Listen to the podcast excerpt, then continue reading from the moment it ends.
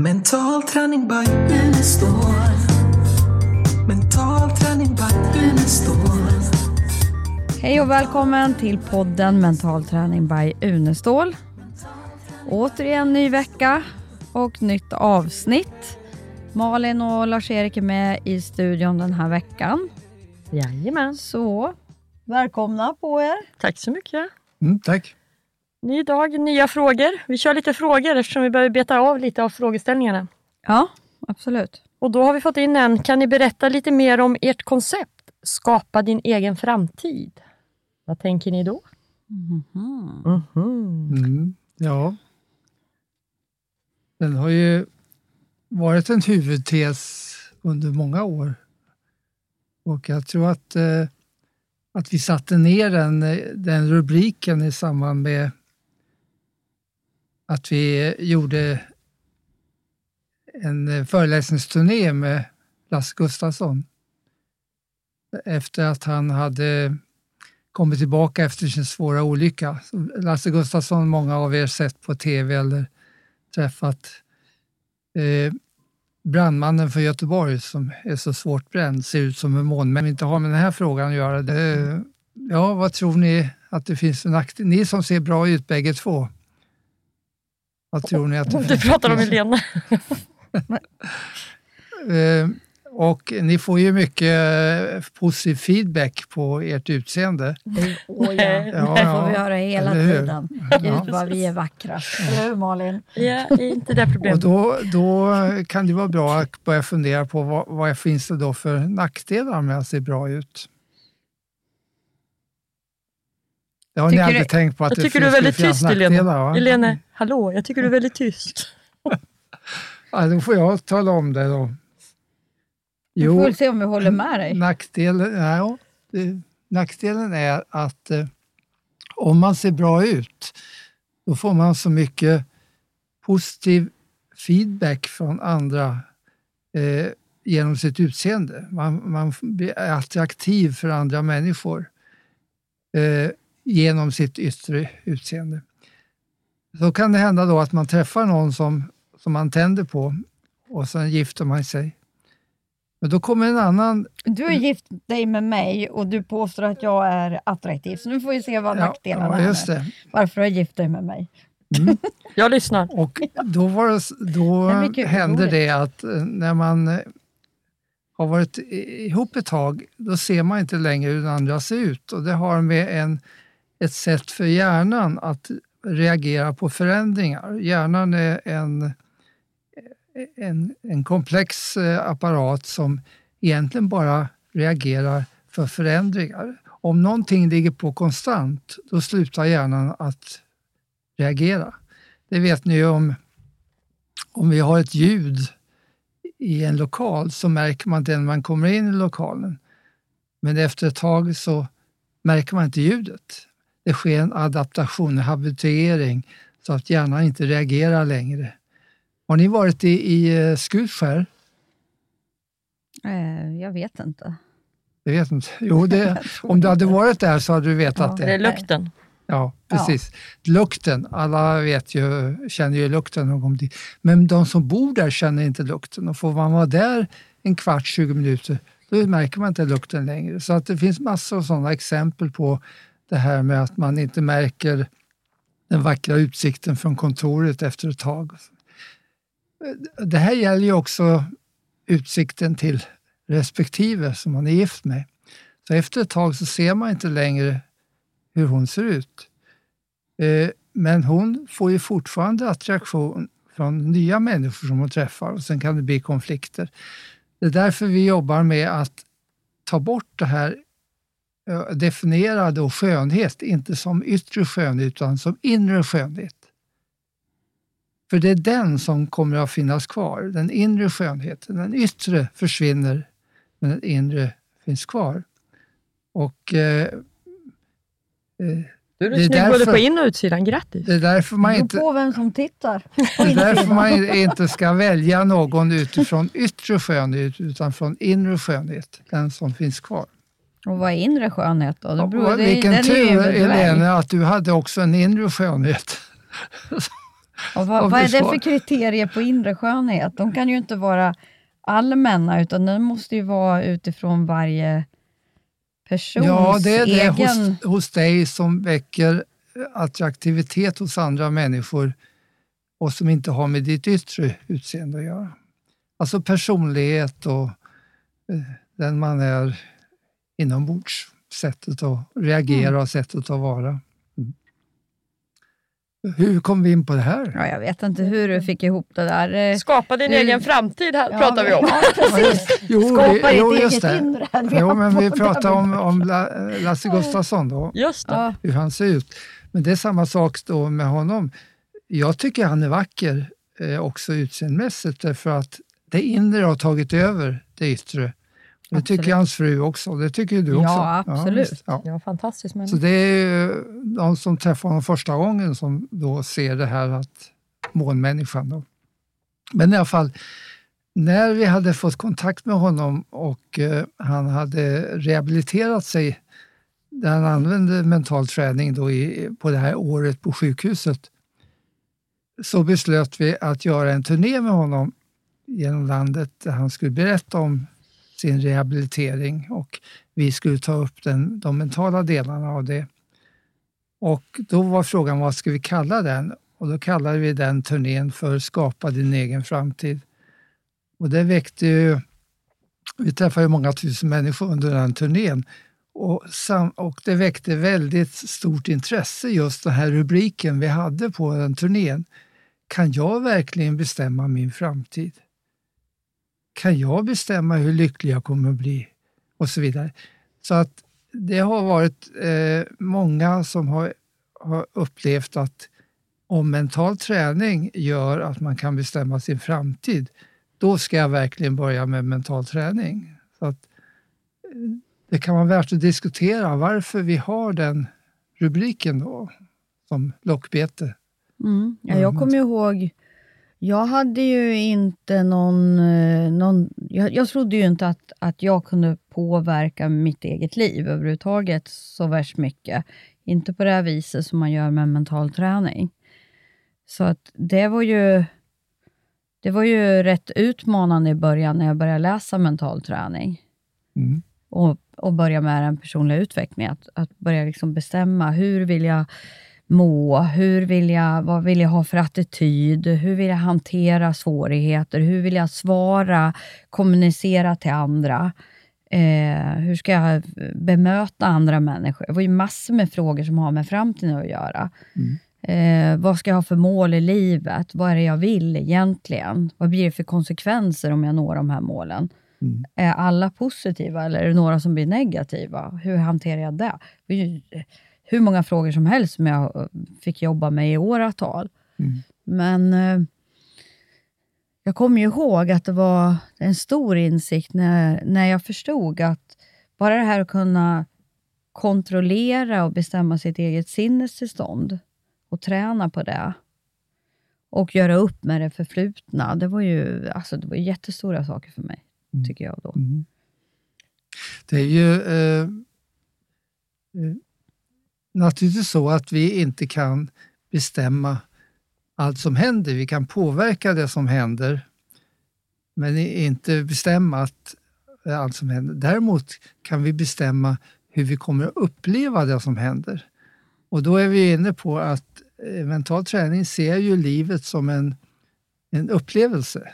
Vi ser ju livet som ett slags livsskådespel där vi är med och där vi, eh, vår upplevelse av det som händer är det viktiga. Det är ju så när vi jobbar med stress till exempel. Vi säger det finns ingen stress i sig på en arbetsplats, så, utan det är, stress är min reaktion på det som händer. Och samma arbetsplats kan vara stressande för några, den kan vara min, eh, icke stressande för andra och den kan ha, eh, ge positiv stress, alltså en fördel till en tredje. Därför att vi upplever saker annorlunda, reagerar annorlunda. Och det är ju det vi kan påverka med mental träning. Eh, Men det, det, men det går ju att påverka även externa saker, i alla fall upplever jag det. För att det trodde ju inte jag heller, att om jag satte upp målbilder. Jag kommer ihåg en målbild jag hade, att innan, Alltså första maj det året jag fyller 40 år så ska det stå en Pontiac Cab på gården. Då hade jag haft en dröm i 20 år men inte haft någon...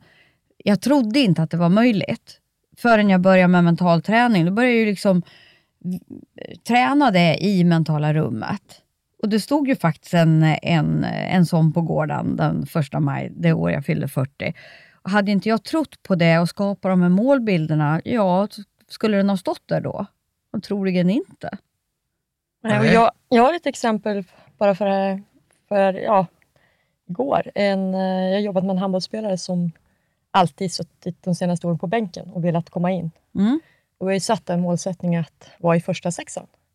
Och nu har det varit premiär och hon ringde mig igår och spelade två Mm. gånger 30 fulltid som Ja. första spelare. Och hon sa det, alltså det, det är ett år. Mm. Men bara liksom att ha förtydligat för, och vad som krävs och vad som behöver göras Mm. blir ju också att det är möjligt. Jo, det är, eh, vi kan inte bestämma allt av det som kommer att hända. Men naturligtvis kan vi bestämma saker som vi själva kan påverka. Och vad som Ja. krävs och Ja. vad som... Ja, Och vad du kan påverka. där har ju mental träning stor betydelse också. Att vi Absolut. kan Och att det skapa blir mål möjligt. och sen skapa resurser för att nå de målen. Och det, det säger vi ju ofta att eh, innan vi går in i en situation så ska vi skapa bi- bilden av vad vi vill ska hända i den situationen. Och, känslan Och det påverkar det som händer. Vi kan aldrig vara säkra på att det händer exakt så. Mm. En höjdhoppare som, som eh, skapar bilden av att han klarar innan han sätter igång, vilket ju alla gör eh, innan de sätter igång hoppet. Eh, det underlättar för den personen att klara höjden. Men man kan inte vara 100% säker på att klara den höjden, för då skulle ju Anna, den aldrig ja. riva. Nej. Utan eh, påverka kan Men man göra. men sannolikheten just- är ju större om du, har, om du tror på det, om du har tydliga målbilder och att det ger dig en bra känsla. Och Mm. delmål och allt. Jo. Ja, Ja. Men alltså, eh, det är ju en av de grejerna som är väldigt roligt med det vi jobbar med. Det är ju att både tillfredsställa sig själv när någon annan lyckas, men också ja. ha verktyg för att jobba med sådana här bitar själv. Mm. Det är ju häftigt. Ja. Men just det här att eh, vi kan... Eh, att upplevelsen är så viktig, det gör ju att eh, vi jobbar vi ju väldigt mycket med eh, det förhållningssättet vi har till tillvaron och hur vi tolkar verkligheten och så vidare. Och eh, vilken information vi tar emot så att det ska stämma med det vi verkligen som är det bästa för oss. Och tittar man på vad som styr ett beteende så är det ju två saker. Det ena är ju det som finns innan beteendet, alltså det vi kan kalla för, ja, vi kan kalla det för mindset. Och det andra är ju feedback, konsekvensen av beteendet som då påverkar beteendet. Och där jobbar vi ju mycket i mental träning med till exempel mindset. Och vad är det? Ja, det är ju eh, om man tittar på varför någonting leder fram till ett visst beteende och tar ordet mindset då, så brukar vi ibland då i kurserna för att redogöra för vad är mindset säga okej, ta upp ta upp saker som styr beteendet som börjar med mindset, M-I-N-D-S-E-T. Och då kan man ju se att på M så säger de flesta, ja, det här med mål, motivation, eh, det styr ju. Eller minnet styr. Och på I så säger man det intresse. Eh, är man intresserad av barnvagnar så ser man det överallt. Eh, eller intention, vilken inställning har man till det som ska göras. På D säger man till exempel drivkraft och på, på S så säger man selektiv perception om man känner till det begreppet. Och det är egentligen kanske det mest intressanta just nu. Därför att det, det eh, vi, vi tar ju beslut och vi ser saker utifrån eh, information som vi får. Men information är ju, det är ju mil, miljoner informationsbit som strömmar emot oss. Vi måste göra ett urval. Och där säger man ju i, i, ibland i, i utbildningen då att det är bättre att ha ett val än att inte ha ett val. Men idag har det blivit ett problem med att vi har för många val. Därför att vi har så mycket information som kommer att det är svårt att välja vilken information ska jag ta emot. Och då, då blir det eh, ju eh, saker som, som gör att eh, vi ofta tar emot information som stämmer med det som eh, är, gäller våra åsikter och det vi har lärt oss, det vi har vuxit upp med och så vidare. Så att vi, vi har ju saker som styr utifrån Men, vår uppväxt, samvetet och annat. Men om, om, om man nu har programmerat in i mentala rummet vad min, vad min liksom livsvision är, vad mina kärnvärden är, vad mina långsiktiga, kortsiktiga mål är, vad min mission är, mm. vad som är absolut allra viktigast, då styr ju det mitt, mitt uh, urval också. Vi, direkt Precis. så försvinner ju vissa saker då som inte stämmer överens med det. Ja, och det är ju uh, både bra och dåligt. Uh, för det gör att människor blir mer och mer övertygade om den åsikt de har. Hur, hur olika de är från andra människor. Därför man tar emot den information som stämmer med den inställning och åsikt man har. Eh, och den efter, man har valt. Man kan ju ja, välja det. Den som ja. man har Annars valt, skulle det bli helt omöjligt. Mm.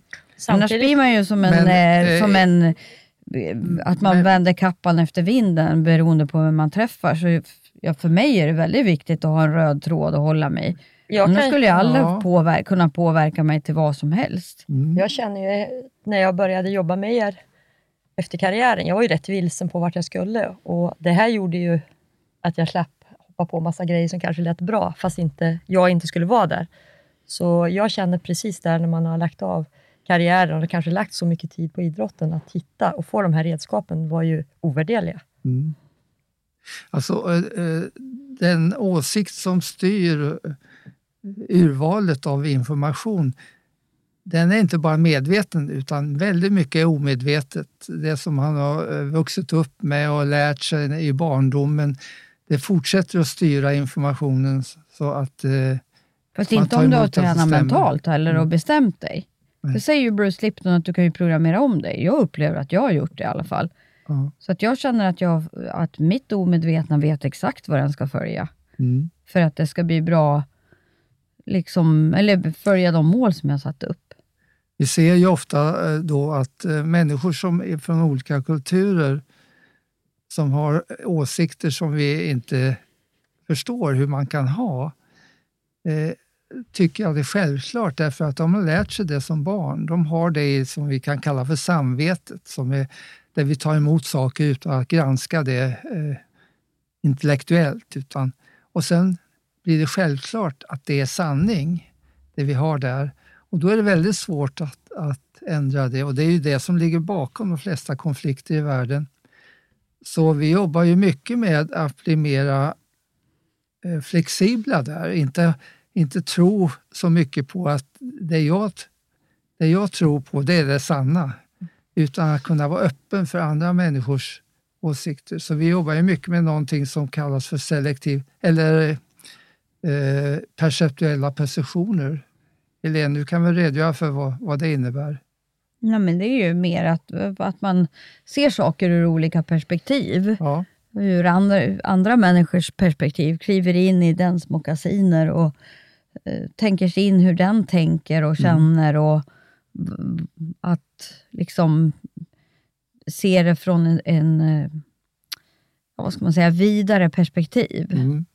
För att, inte, för att kunna acceptera det helt enkelt. Mm. Ja. Och Det jobbar vi också med när det gäller konflikthantering, när det gäller eh, kommunikation. Vi delar ju upp kommunikation i D1, D2 D3. där D1 är diskussion, där man ofta har ännu mer olika åsikter efter, efter eh, debatten, är D1. Efter en debatt så har man ofta ännu mer olika åsikter. Medan högersidan då är eh, dialog, där man lyssnar på varann, tittar på perceptuella positioner. hur kan den ha kommit fram till den åsikten? Och sen försöker man hitta en kompromiss istället för att det blir en konflikt. Så det här med att eh, inte låsa fast sig vid sin egen inställning eller Nej, jag, jag tänker på det Lena är inne på lite också, de här självbilden, att den bilden jag har mig själv, den bilden av jag kanske vill vara framöver och den bilden andra har mig, att det blir en konkurrens i det. Att också ta med sig den när man gör framtiden. Det pratar ju du, Ja, ofta om. ja absolut. Just det här att man är, är kongruent i samklang med sig själv. Och Det kan man ju använda perceptuella positioner. Jag kan ju liksom eh, coacha mig själv. Vad är det som gör att den här sidan av mig tycker så här, medan det finns en annan del i mig som tycker någonting annat. Mm. Och ju mer olika delar är i harmoni med varandra, så tar jag ju bättre beslut och det går lättare att förflytta sig framåt Mm. när det finns konkurrens i det. Mm. Eh, det, det som du är inne på nu är ju jätteintressant utifrån det här med de olika delar vi har hos oss själva, där en del kan vilja en sak och en annan del kan vilja en annan sak. Och det här med e olika ego states. Som, så det eh, skulle vi egentligen kunna komma tillbaka till vid något tillfälle, för det kan Jag vara skriver upp den på listan. state. Men jag tror att vi har pratat om ego state redan Alltså, har vi det? Ja. Det är ju så Men här däremot så Jag är lite cynik. eh, tänkte jag att vi skulle gå in lite på det här med eh, skapa en egen framtid. Då. Om vi ser livet som en upplevelse så blir det ju väldigt viktigt då att uppleva livet så som vi skulle vilja uppleva det. Och eh, i och med att vi kan styra vår upplevelse. Det här har ju att göra lite med det här med determinism. Är det så att vi har en fri vilja, kan bestämma? Eller är det så att, som en del menar, att eh, allting är deterministiskt bestämt? Eh, man kan se inom eh, islam till exempel, att man har mer av determinismen då. Man säger inshallah. Och det har fördelen med att eh, har man en granne som är rik så är man inte avundsjuk på den grannen därför att eh, det är Allah som har bestämt att den ska vara rik och jag, är, inte, jag är fattig. Däremot så är nackdelen då att man kanske inte gör så mycket som man skulle kunna göra för att ändra på det, de, den förhållanden. Så det har både fördelar och nackdelar det här med determinismen. Men den utgår ju ofta från att naturen är orsaksbestämd. Och därför är det också en orsak till att vi tolkar livet på ett visst sätt eller vi bestämmer en sak. Eh, det är inte vi som bestämmer utan det är någon annan som bestämmer. Man har ju visat det här, som ni vet, att när man fattar ett beslut så kan man se en reaktion i hjärnan innan man blir medveten om vilket beslut man har fattat. Och eh, det här har ju tagits som, in, eh, som en eh, kriterium på de som tror att vi har ingen fri vilja, utan det mesta är bestämt. Men det behöver inte vara så. Det kan ju vara någon del av mig som tar ett beslut innan jag blir medveten om beslutet. Och Kan den- det vara de andra eh, två hjärnorna som vi vet att vi har? Ja, Hjärthjärnan och maghjärnan kan ju visst, faktiskt bestämma en hel del eh, innan det kommer upp till hjärnan. det är medvetet. Ja, till, eh, visst. till, ja. Det kan, eh, skulle kunna förklaras på det sättet. Men många har ju menat nu att eftersom naturen är så deterministisk, om ett äpple faller till marken så eh, vet vi varför det faller till marken. Eh, och vi vet att när det lossnar från träd så faller det ner till marken. Och i naturen så är nästan allting så bestämt att man kan förutsäga det. Och då är en del som tror att eh, också människan eh, är så att allting är bestämt i förväg. eh, när vi tar ett beslut så tror vi att vi tar det beslutet därför att vi vill det. Men att det, vi gör det inte utan utifrån andra skäl och sen efteråt så, så rationaliserar vi det. Och, men det Vad här är en intressant på? debatt. Ja, vad tror du Nej, på? jag tror inte på det eftersom eh, vi jobbar så mycket med att, att vi har möjlighet att skapa vårt eget liv. Om det vore deterministiskt, då skulle ju den här rubriken vi pratar om nu, den skulle ju Mm. falla egentligen. Men kan det inte vara lite så här som det är i ett... Nu bara bollar jag upp något bara och så här, som att det skulle kunna vara. Tänk om det är som i ett, i ett, eh, i ett sånt tv-spel eller datorspel. Att liksom, målet är detsamma, du ska dit, till den där dörren eller vart det nu är, dit. Och så får du välja på tio vägar. Ena vägen eh, tar en timme, andra tar två och den tionde vägen tar hundra timmar till exempel. Mm. Och ta sig till samma mål beroende på vilk, vilken väg du väljer. Ja, och det är ju jätteviktigt att du säger nu, därför det har ju att göra med hur vi kan påverka det som händer. Eh, har vi tagit ett mål så är ju det vanliga i, när man jobbar med mål, det är ju att man sen gör upp en handlingsplan och sen bestämmer man att eh, första veckan ska jag göra så och andra veckan så för att nå målet. Och eh, där är ju risken att vi har valt fel handlingsplan, fel väg till Mm. målet och upptäcker det för sent när vi har hållit på alldeles för länge. Och därför säger vi ju, vi säger så här att eh, eh, ge, när det gäller mål så behöver vi inte ge upp dem. Men när det gäller vägar så ska vi ge upp dem väldigt snabbt om de Mm. inte leder fram till målen. Ofta tragglar man med samma sätt för att nå ett mål trots att det är fel väg. Mm. Men det kan finnas mycket... fördel med det också. Om man nu tänker utifrån att det, allt som händer är positivt på något vis. Så att om, om inte det där, om jag inte hade tragglat på här. Jag brukar, istället för att man då ältar och varför gjorde jag så och varför valde jag den här och varför höll jag på så länge. Och tänk om jag hade valt något annat innan. Så tänkte jag tidigare. Nu har jag rationaliserat bort allt det där ältande, så då bara tänker jag, vilken jädrans tur att jag höll på på den här vägen så pass länge. För att ja, men annars kanske något annat dåligt hade hänt.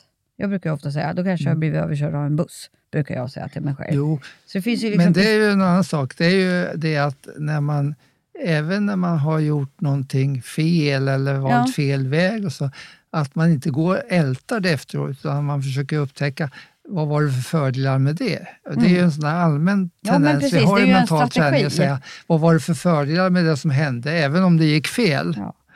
Eh, För att lära sig av misstag och så vidare. Mm. Jag brukar rationalisera bort det på en gång. Vad gör du? ja, just det. Du, du kör strutsen. Men eh, vi, Han lyssnade inte. Nej, han hörde inte den. det som kanske har varit den, den starkaste kraften eller den mest intressanta delen av mental träning har ju varit det här med, med programmering som vi, vi har pratat om någon gång att vi ska ta upp i någon podd.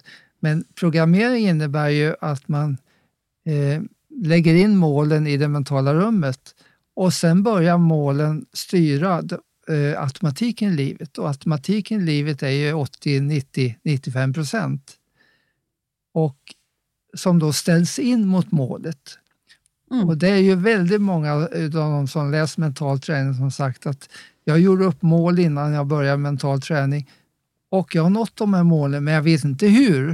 Det har bara Nej. hänt. Det är jättevanligt. Det Ja, ser vi ju i, i nästan alla PM, Mm. de som läser pump. Just Och det. inklusive mig själv. Ja, Så om man tänker, min Pontiac, det var ju en målbild då. Den var ju inprogrammerad. precis. Så där är ju kanske en av de viktigaste delarna i det här med att skapa en egen framtid. Att eh, man gör upp hur man vill ha sitt liv. Man gör upp hur man vill vara som människa i framtiden. Mm. och sen programmerar man in de målen och sen börjar saker hända på vägen. På Skavlan i fredags så är det den här skådespelaren, jag kommer inte ihåg vad han heter nu, som fick eh, var det Grammis eller ja, jag är dålig Mm. på det där. Men han pratade om det här hur han hade liksom satt upp det. Han hade redan sett så han visste att han skulle vinna så han skulle gå dit och hämta. Och så han, hade för, så han pratade om det här. Så Ja, för mm. de som vill han har ju levt så hela vägen. Mm. Mm. Och det, han är ju från Libanon och det är väldigt ovanligt att vara så tydlig som han Mm. säger. Det handlar ju ingenting om att jag är liksom vill liksom visa alla andra, utan det är för mig själv att tydliggöra det. Mm.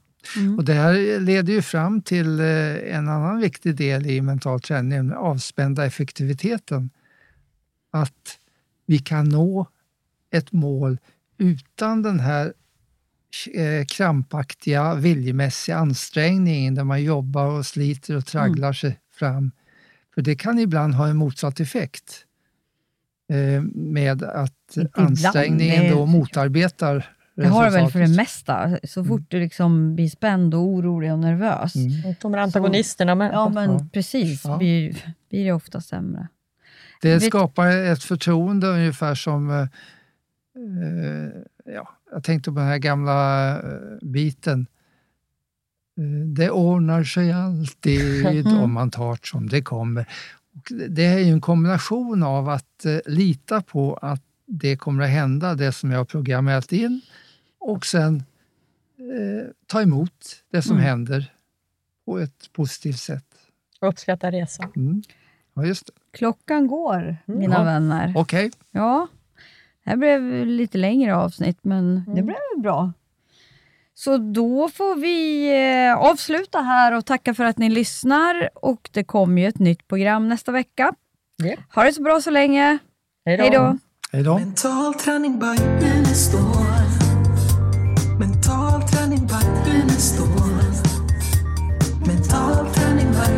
it's the one. Mental planning back, and it's the one. Hey, hey.